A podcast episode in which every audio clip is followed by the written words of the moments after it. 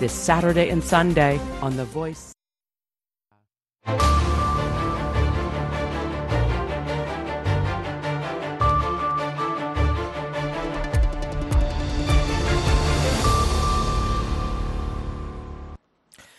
subax wanaagsan dhegeystayaal ku soo dhowaada idaacadda aroornimo ee laanta af soomaaliga ee v o a oo si toosa idinkaga imanaysa washington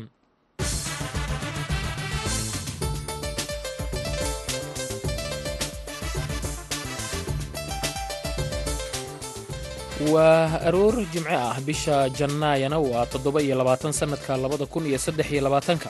Waxaad naga dhegaysanaysaan mawjadaha gaagaaban ee lix iyo tobanka iyo sagaal iyo tobanka mitirban iyo bogga v o a somaly com.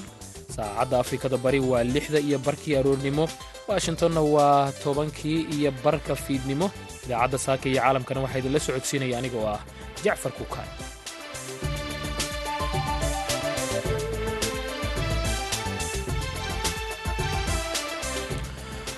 qodobada aad ku dhegaysan doontaan idaacaddeenna saaka iyo caalamkana waxaa ka mid a shirkii culimaadudiinka soomaaliyeed ee muqdisho ka socday oo ku baaqay in la dhiso golaha sare ee culimmada soomaaliyeed marka in la helo marjiciyad diineed iyagu leh awoodda ugu sarrayso ee looga jawaabayo waa kow khilaafaadka cibaadada xitaa soo dhex gala oo mararka qaarkood la kala soomo oo yacni dadkii xasmin lahaa ee shuruucda waddanka la keenayo ee la meel marinayo. Inta aanan qalinka ugu dambeeyo lagu duugin la yidhaahdo culimay waxaan diinta muwaafaqsan tahay mise waa maya? Waxaa kaloo aannu idiin haynaa xaaladda ganacsatada soomaalida ah ee ku nool waddanka suudaanta koofureed waxaad maqli doontaan sidoo kale warbixin ku saabsan soomaalida ku nool kenya oo soo dhoweeyey codsiga soomaaliya ay ku doonayso inay ugu birto ururka bulshada bariga afrika. Qodobadaas iyo barnaamijkii umuuraha islaamka ayaad maqli doontaan. Marka horese ku soo dhowaada warkii dunida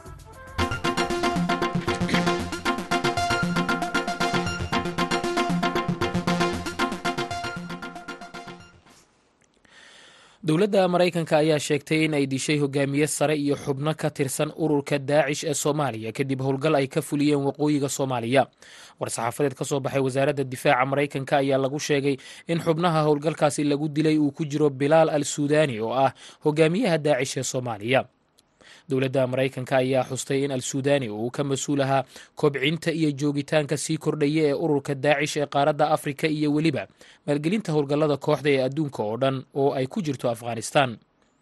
Wasaaradda gaashaandhigga ee maraykanka ayaa sheegtay inaanay jirin cid rayida oo wax ku noqotay howlgalkaasi waxaanay u mahad celiyeen laamaha ammaanka maraykanka kuwa sirdoonka iyo saaxiibada kale ee maraykanka ee ka taageeray howlgalkan guulaystay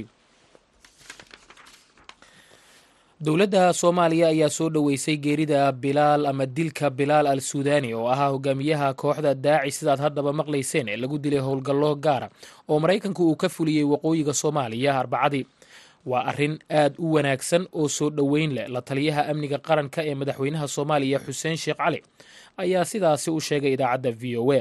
Xuseen cali oo ku sugan washington ayaa v o eda u sheegay in in kasta oo kooxda daacish aysan ahayn khatarta ugu weyn ee soomaaliya sida al-shabaab. Haddana hogaamiyahooda bilaal al suudaani uu yahay argagixiye halisa oo khatar ku ah soomaaliya iyo bariga afrika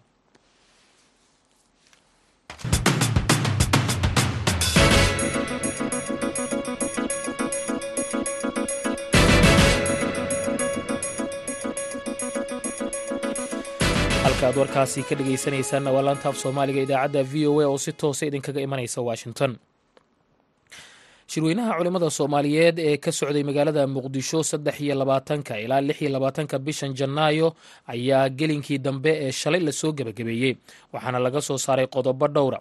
Marka laga soo tago xoojinta dagaalka ay dowladda iyo dadka deegaanku kula jiraan al-shabaab waxaa shirka ka soo baxay in la dhiso golaha sare ee culimmada soomaaliyeed haddaba waxaan khadka telefoonka ee magaalada muqdisho kula xiriiray sheekh suldaan cabdiqani qorane oo ka mid ahaa culimmadii shirkaasi ka qayb gashay. Waxaanan ugu horreyn weydiiyey waxa uu yahay golaha sare ee culimmada ee dhismihiisa lagu baaqay. Marna ma aynaan lahayn marjiciyad midaysan oo dhanka diinta ah oo arrimaha soo cusboonaado ee nawaasisha loo yaqaano ama musiibooyinka soo dega ama mushkilaadka afkooda la garan waayo u baahan in waxyigii loola laabto cid ka af celiso oo leh iyagu waxa la yidhaahdo awoodda ugu sarreysa ama aqoonsiga ugu sarreeya ee ma inaan lahayn waxaynu ahayn baan dhihi karnaa annagoo sidaa diinta u haysano number intaa la ego boqolleya muslimiin ku ah marti diineed baan ahayn oo waxaynu marti u ahayn. Markii nawaasisha laga hadlaayo wadamo kale oo muslimiin ah oo waxaan hadda annagu aynu dhisanayno hore u dhistay marka in la helo marjiciyad diineed waxyaabaha soo gudboonaada ee yimaada ee u baahan in laga afceliyo si sharciga waafaqsan iyagu leh awoodda ugu sarreyso ee looga jawaabayo. Waa kow khilaafaadka cibaadada xitaa soo dhex gala oo mararka qaarkood la kala soomo oo wallahu lmustacaan la kala afuro oo yacni dadkii xasmin lahaa ee shuruucda waddanka la keenayo ee la meel marinayo in wixii aanan diinta waafaqsanayn oo dadkan waxay aaminsan yihiin aanan ka tarjumaynin laga faafreebo oo laga celiyo oo diinta la waafajiyo oo culimadaas waxaan inta aanan baarlamaanka loo gudbin ama marka loo gudbiyo kabacdiba inta aanan qalinka ugu dambeeyo lagu duugin la yidhaahdo culimay waxaan diinta ma waafaqsan tahay mise waa maya oo markaa culimadu ay diinta soo waafajiyaan oo ay la ekeysiiyaan dadka kan sida ay ku qanci karaan oo ay aaminsan yihiin. Marka runtii waa gore weyn oo la dhihi karo golaha sare ee qaran ee culimmada soomaaliyeed oo dalku uu leeyahay markii u horreysay waa fahmay dowrkooda ama kaalinta ay qaadan doonaan aad baad u sharaxday waan gartay.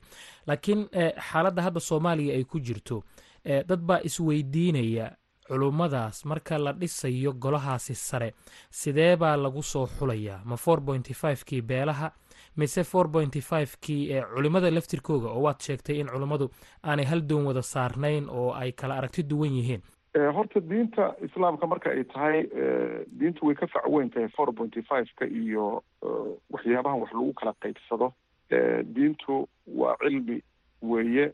Cilmigaasna waa waxay culimmadu dhaxleen waana wixii ambiyada laga dhaxlay khaasatan nabigeena maxamed ah salawaatu ullahi wasalaamu caleyhi marka four pointy five iyo federal ma gasho maamul maamulada ka mida intay go'aan gaaraan diinta islaamka diin aanan ahayn ma oran karaan waa noo diin maxaa yeelay dastuurkiiba waxaa ku yaalla qofka muslimka ah diintiisa ma bedeli karo. Diinan diinta islaamka ahayna dalka laguma faafin karo. Diinta islaamka wixii ka soo horjeedana wax kama jiraan. Sidaa darteed hay'addan la samaynayo waxaa xukumi doono waa cilmiga. Waxa xukumi doona ree hebel ma aha. Taa waa midaas weeye. Iyo tii ururadii waxaa xukumi doono waa cilmiga duruqdana culimmadu ay ka soo kala jeedaanna qolo cilmiga ka maran ma jirto. Qolo la leeyahay keliga dusha laga saarana ma jirto. Qolo laga tegayana ma jirto. Ayagoo hadda culimmada sidii maanta ay u midoobeen u midaysan baa waxa weeye inta geli karta unbaa kolley un loo xuli doonaa oo ay calaf u noqoto haddii ilaah yidhaahdo hanaanka loo marayana de mid annaga hadda aan alifayna ma ahine wadamo badan oo muslimiin aha iskale oo laga dheegan karo khibrad iyo waayo aragnimo iyo qaabkay u maareeyeen marka wax cusubna ma noqonayso biidn illahi tacala waaya dowladdu waxay dagaal kula jirtaa al-shabaab. Ma aha dowladda oo keliya xataa beelihii baa la dagaalamaya. Kulanka ay culammadu isugu yimaadeen kaalin noocee ah buu ka qaadanayaa dagaalka lagula jiro al-shabaab? Dagaal sideedaba in la qaado yaa sharciyadeeda iskale yaase xaq u leh ayaa iyada lafteedu waxa weeye isheeg miisaan sharciga la saaray dowladda inay xaqa noocaasa iska leedahay iyadoo ammaanka sugaysa ayaa waxa weeye culimmadu ay si sharcan ah u soo dhirinhiriyeen dagaalkaasna inuu yahay dagaal xaq ah oo nimankaas waddanka iyo dadka iyo diintaba looga celinayo inuu yahay midka ay ku jirto dowladda iyo beelaha soomaaliyeed ay dhibaateeyeen tan iyo inta muddada ah ay rafaadinayeen. Marka runtii mawqif aada u midaysan oo aada u quruxsan oo la isku khilaafsanayn oo dowladda in lagu taageero dagaalkaas xaqa ahi annaga danta noo ah oo nolosheenna iyo maalkeenna iyo kulli lagu ilaalinahayo ayay culimmadu isla garteen. Culamo waaweyn oo la garanayo oo diinta lagu yaqaana baa shirka joogtay kuwo kalena way ka maqnaayeen oo sidoo kale la garanayo. Dadku waxay isweydiinayaan culimmada ka maqan shirka lama casuumin miya oo martiqaad looma dirin. Mise inta la martiqaaday bay iyagu cudur daarteen oo adduunyo kale iyo howlo kale oo ku furan aawadeed uga cudur daarteen. Dhowr jeer buu shirku dib dhacay oo uu gadaal loo dhigay. Xilliga uu ku soo beegmayna oo la yidhi hala qabto. Iyo xilligii yeeristii ugu dambeysay ay dhacdayna wakti dheer uga dhexeynina waxa u dhexeeyey lix maalmood iyadoo la doonayo in lagu beego saddex iyo labaatanka yani furitaanka shirka lagu beego saddex iyo labaatanka bisha janaayo. Oo ku beegan maalinkii dowladdii militariga ahayd ay laysay culimadii culimadii diinta difaacaysay waxa weeye waagii dowladdu ay ku dhawaaqday kheyrka qoyska iyo sinaanta ragga iyo dumarka afartan iyo sideed guuradii ka soo wareegatay. afartan iyo sideed guuradii ka soo wareegatay. Marka yeeristaas deg dega abaa waxay keentay in culimada qaarkood duruuftooda ay waafaqi weydo inay ka soo qayb galaan shirki oo ay cudurdaartaan oo yidhaahdaan irtibaadaad kale aan lahayn. Walow culimada soomaliya hadda maanta ay ka ballaaran yihiin kana badan yihiin ilahay ha barakeeye in hal kulan la isugu keeno. Intii la gaarsiiyey oo ka soo gaari weyday qof walba waa soo bogaadinaya waana la jiray. Qaar qabanqaabada qayb ka noqdayna waa ay jiraanoo maadaama iyagu ay imaan waayeen ka shaqeeyay culimadii. Jaalka la ahay agaarkooda joogay inay soo diraan. Marka ma aha ma aha wax la isku khilaafsan yahay ama khilaaf loogu kala maqan yahay. Waaya culimo kala duwan oo fikiro kala duwan sidaad sheegtay islaamka waa la wada haystaa laakiin aragtiyo kala duwan qaba oo magacyo kala duwan leh oo mararka qaar warbaahinta isku marin jiray hadalla kulkulul ayaa meel wada fadhiyey arrintaasi yidadiilo fiican bay shacabka soomaaliyeed gelisay. Wada fadhigaas iyo kulankaasi ma wuxuu ku ekaan doonaa shirkan mise waa sidii uu u bilowday? Culimadaas markay isu yimaadeen oo tabashooyin qaarkood oo ku aadanaa in la kala sheeganayay amabase aragtiyo kale oo la kala qabay la soo bandhigay oo si hoose looga dooday oo waxaa soo baxday waxaa isku xirayo inuu ka badan yahay waxa kala geen karaya meelaha lagu kala aragti duwan yahayna ay wax badan aada uga yar yihiin. Waxa la isku waafaqsan yahay. Marka tii culimmada in meesha iyada lagu soo afjaro waa la ismucaanaqeeyey waa la iscafiyey waxaa meeshii looga dhawaaqay in sanadkan kan uu noqdo sannadkii midnimada waxaana lagu ballamay shirkan inuu joogto noqdo haddii ilaah yidhaahdo hay'addan soo socotana si wada jira loo wada galo loona wada shaqeeyo kaasi waxa uu ahaa sheekh suldaan cabdiqani qorane oo ka mid ah culimmadii ka qayb gashay shirweynaha culimaa udiinka soomaaliyeed oo shalay muqdisho lagu soo gebagabeeyey halkaas aad ka dhegaysanaysaanna waa laantaaf soomaaliga idaacadda v o a oo si toosa washington idinkaga imanaysa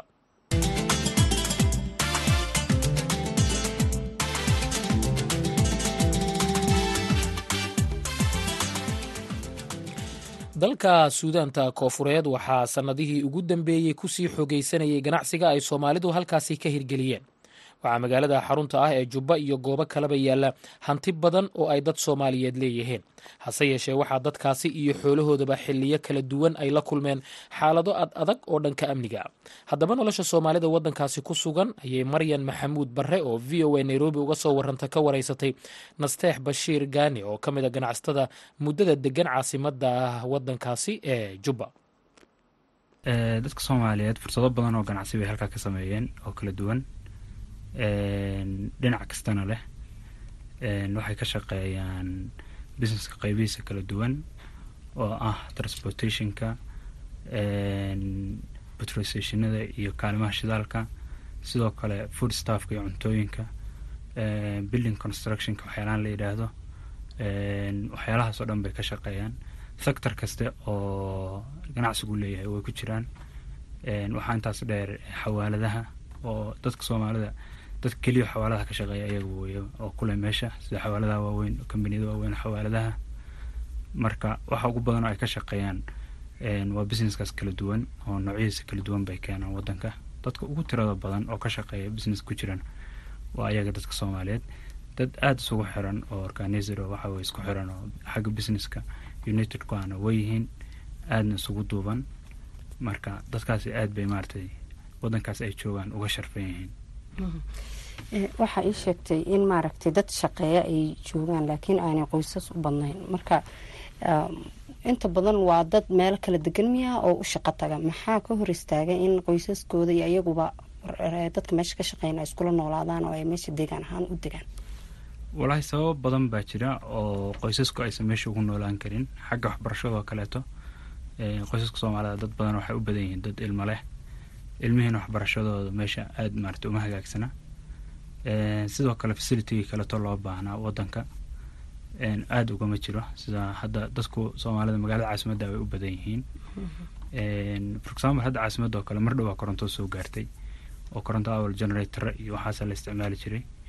Marka dadka ma dhiirigelinayn dad ganacsatoo xoogstaa meesha tegayay laakiinse ma ay dhiirigelinayn in maaragtay xaasas iyo ilmo iyo la keeno waayo wixii loo baahnaa oo waxa weye baahidii jirtay wixii lagu daberi lahaa baan meeshaas oolin marnin waxaad ii sheegtay in cimiladu xataa ay tahay mid maaragta lagu dhib qabo oo dadka soomaalida ay ku adag tahay ku noolaashaheed cimiladu way adag tahay oo cimilo kulul bay leedahay tii soomaaliya ka kulul bay leedahay. Waan oran karaa berbere iyo boosaaso redsiga oo kaleeto. Bay la mid tahay haddayse kaba kululeen waxaa intaa dheer way kanaco badantao waddan kanaco badan wey webigii baa mara oo nailkii baa mara. Marka kanaca zaaid u badan bay leedahay. Waxyaalaha markaan dhiirigelina in carruurta la keeno laakiin dadku weyn iskala noolaan karaan oo ganacsigooda ku wadan karaan. Taasaa ka mid ah. Waa tahay. Marka dadka ka shaqeeya ku jira ma ragunba mise gabdhan oo ku jiraan? Rag iyo dumarba way leeyihiin. Dadka soomaalida meesha ka shaqaysta waxyaabaha ugu badan oo laga shaqeeya marka aadaad iyo dul marto waxyaabaha ugu badan oo laga shaqeeya waxaa ka mid ah food staffka oo waxaan maaragtay cuntooyinka iyo alaabaha cuntooyinka la geeyo raashinada iyo kambaniyada soo transport gareeya waxaasoo dhan waa yaalaan. Waxay shidaalka kale soomaalida ku jiraan. Sectorkan kale waxay ku jiraan billing materialka oo qalabka dhismaha. Waxay ku jiraan xawaaladihii bay ku jiraan oo ka shaqeeyaan. Waxay ku jiraan constructionadii way dhisaan maaragtay dhismayaalka iyo waxaasay ku jiraan ganacsiyo badan oo muuqda waxay kaloo ku jiraan money exchangiga xawaalad sarifyada iyo waxaasoo dhan bay ku jiraan. Maqaaxiyihii oo kaleeto hadda soomaali badan baa gabdho u badan dumar u badan baa maqaaxiyo ku leh. Hoteelada iyo dhankaas kuma jirno waxa u badan dad eritrean iyo wadamadan kale oo xabashida iyo waxyaalahaas u badan ethoobiyaanka u badan business nooc uu yahayba soomaalidu halkaas way kaga jiraan. Waa tahay waxaan jeclahay inaan ku weydiiyo soomaalidu mar walba oo waddamada ay tagaan ay dhibaato ka dhacdo waa dad u nugul.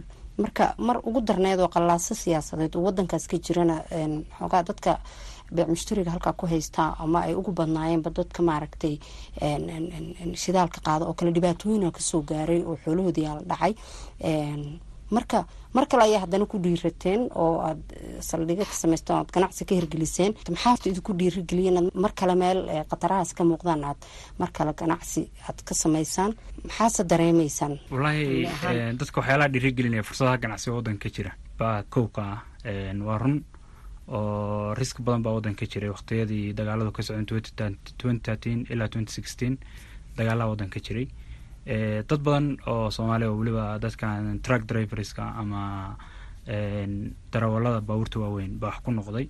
Dadka magaalooyinka joogay way yaraayeen wax wax ku noqday laakiin dadka darawaliinta oo kale wax ku noqday. Sababtuna waxay tahay dadka ku dhiirigelinaysa meesha fursad ganacsi baa u muuqatay. Fursaddaa ganacsi oo muuqatay baa qof walba wuxuu isleeyahy aad ka faa'iidaysatid wixii dhaca oo shil oo dhaca oo maaragtay dadka soomaaliyad la kulmaana waa dad isku xiran oo inta badan safaaradda soomaalida iyo ganacsatada iyo guddi ganacsataan leenahay oo somali community association la yiraahdo meesha ka jira. Aad bay isugu xiran yihiin. Dad isku xiran weeye. Wixii dhaca markaas dowladdan report garaynaa oo la wadaagnaa laamaha dowladda maaragtay arrintaa qaabilsan. Dowladda lafirkoodana aad bay noo soo dhaweysaa. Wixii markaas ay wax nagala qaban karto.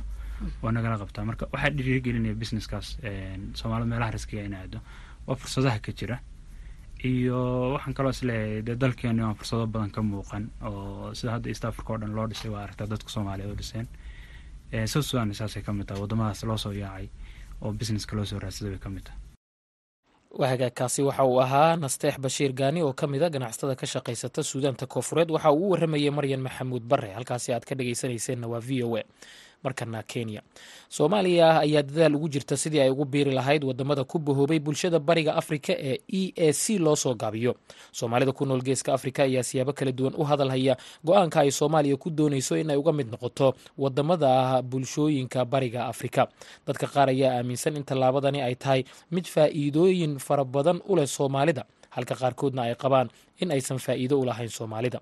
Warbixin arrintaasi la xiriirta waxaa nairobi nooga soo diray khadar maxamuud xareed soomaalida ku nool waddamada bariga afrika gaar ahaana kenya ayaa inta badan dhibaatooyin dhanka socdaalka ah kala kulma inay isaga kala gooshaan waddamada la baxay bariga afrika ee e a c. Wadamada qaarkoodna maba siiyaan dalkugalkooda jinsiyadda soomaaliya qaar ka mid a soomaalida ku nool kenya ayaa qaba aragti ah in soomaaliya haddii ay ku biirto waddamada e a c ay faa'iidooyin badan ka faa'idi doonaan bulshada soomaalida. Bismillahi raxmaan raxiim waa cabdiqaadir cali axmed. Waxaan ku magac cabdiqaadir dhagacadde waa arrin aad muhiim noogu ah xagga soomaaliya haddii la yidhaahdo. Socdaalka waxa weeyaan waa waxa ugu fiican ee bulsho. Waxyaalo badan kor u qaada. Waxaa keenaysaa hadda ruux baa muqdisho ku xanuunsan.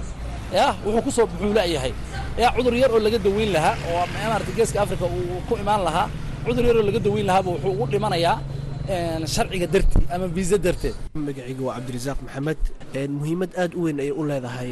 Horumar la sameeyey oo dowladda maaragtay ay horey ugu soconaysana runtii uu noqonayaa markii aan ka mid noqono xubnaha bariga africa markii horena xubin ayaan ka ahayn laakiin haddii aan dib ugu soo laabana maaragtay aad ayay muhiim ugu tahay ummadda soomaaliyeed iyo guud ahaan shacabka ku dhaqan waddamada bariga africa magacaygu waa abshir cali saafi soomaaliya marka xaggeeda laga hadlayo faa'iido badan bay u leedahay inay ku biirto ururkan maxaa la dhahaa bariga africa maxaa yeelay waad ogto hadda markaa tanzania iyo uganda iyo meelahaas aado sharcigaad waato ama id ha ahaada ama wax rabo ha ahaadee waad meesha rabta kaga soo danaysanaysaa ku soo waxaysanaysaa dadku furfurnaanshaa dhexgeli marka laga soo tago xorriyadda dhanka socdaalka iyo faa'iidooyinka kale ee ay soomaaliya ka faa'iidi karto haddii ay ku biirto waddamada e a c haddana soomaalida ayaa aaminsan in suuqa bariga afrika ay ku soo kordhin karaan ganacsiyo iyo hal-abuuro kala duwan oo dhanka nolosha ah. Wallaahi soomaali waa dad xadaarad leh. Waa dad aad actif oo ah. Waxa weeyaan meesha ay yimaadaanna waa dad ka muuqda. Aad oga muuqda. Meel kasta oo yimaadaan soomaliya aad bay oga muuqataa. Haddii socdaal loogu daro waxa weeyaan dhaqaalahooda wuxuu gaarayaa cil ku aadaya qaar ka mid a aqoon-yahanada soomaalida ayaa aaminsan in soomaaliya aysan wax faa'iide ah ugu jirin inay ku biirto dowladaha bariga afrika faarax isaaq oo bartay cilmiga xiriirka caalamiga ah ayaa qaba in ujeeddada laga leeyahay in soomaaliya ay ku biirto dowladaha e a c laga leeyahay oo keliya inay dowladahaasi ay ka faa'iidaystaan dhaqaalaha buluugga ah ee soomaaliya. Wadamadan bariga afrika ku midoobay waxyaabaha ugu weyn oo ay raadinayaan waxaa ka koow ah dhaqaalahan baryahan loo bixiyey magaca blue economiga ama dhaqaalaha badda. Soomaaliya sidaan ognahay waxay leedahay badda ugu dheer africa marka dadka e a c in soomaaliya lagu daro ma waxaa loogu danaynayaa in waddamada kale ee ka mid ah e a c ga ay ka faa'iidaan iyaga oo keliya badda soomaaliyeed.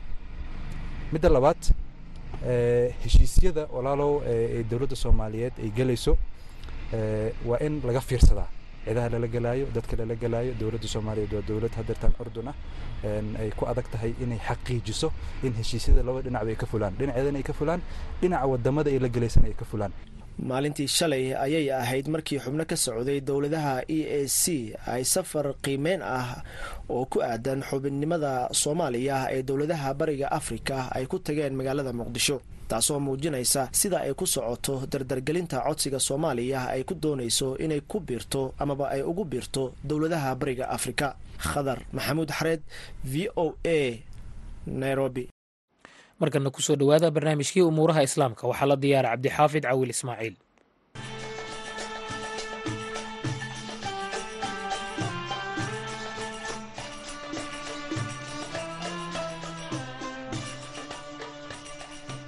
Barnaamijkeenna ayaynu ku eegaynaa turkiyay iswidhan iyo gubistii nuqulka kitaabka qur'aanka kariimka ah mar kasta oo ay swidhan xagga hore tallaabo u qaado laba tallaabo ayay dib u qaadaysaa sida ay sheegeen. Khuburo ka hadashay amuurtan turkigu waxa uu hore uga cadhooday dibadbaxyo lagu taageeray ururka p k k oo dagaal kula jiray ankara ilaa sannadkii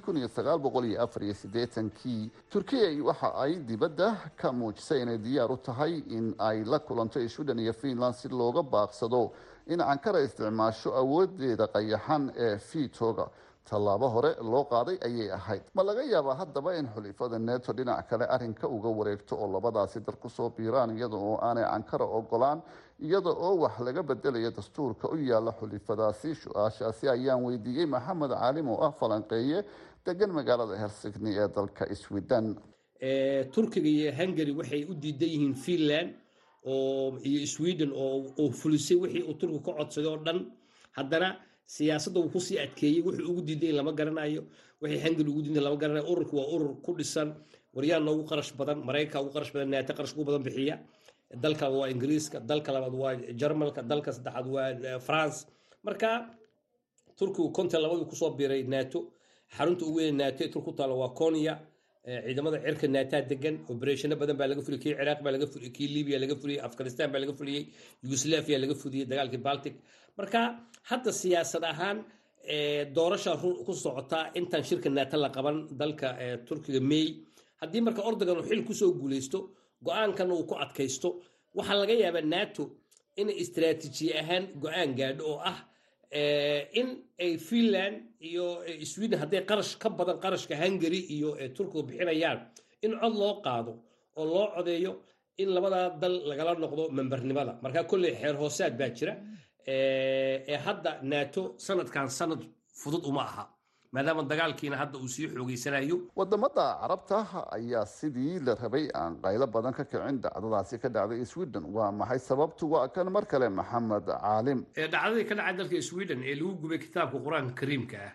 Waxaad moodaa dowladaha hadda carabtu inaanay si bareer ah wasiirada arrimaha dibadda dowladaha diinta islaamka fidiya ee jaamacadaha weyn ku yaalaan si dalka sacuudiga oo madiina university dalka masar al asar ama baxrain qatar jordan marka waxaad moodaa inkastoo dowladda sweden aada uga xumaatay in loo gafo dadka muslimiinta ah haddana arrintaas waxaad moodaa inay xisbiyada muslimiinta ah ay ka baqayaan dalka masar dalka tunis oo cabsi ka qabo morocco cabsi ka qabto sacuudiga cabsi ka qabaan in mataqaanaa la xiro taageerada diinta islaamka oo xukuumadahan ka jira dalalka carabtu ay siyaasad ahaan ka gaabsanayaan in kooxaha xagjirka ah ay awood ku yimaadaan bulshada. Maadaama bulshadu caburin lagu hayo.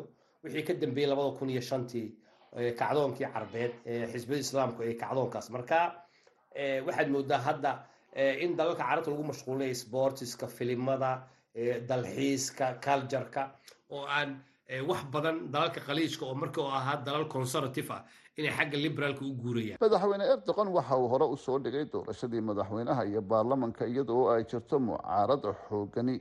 Waxa ay u muuqataa inuu ku adkayn doono sweden sababa la xiriira doorashada. Intaasi ayaynu dhegeystayaal ku soo gabagabaynaynaa barnaamijkeenii amuuraha islaamka. Aniga oo cabdixaafid cawil ismaaciil ayaa soo diyaariyey inoo soo jeedinayey tan iyo inta aynu mar kale kulmayno haddii ilaahay raali ka noqdo maxamed iyo aniguba waxaanu idin leenahay sidaas iyo jimco wanaagsan.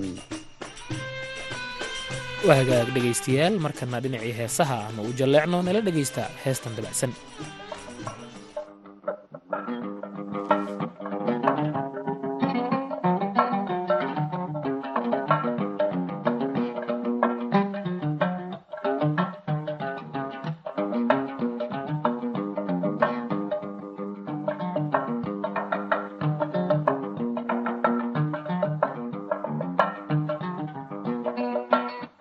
Daddy,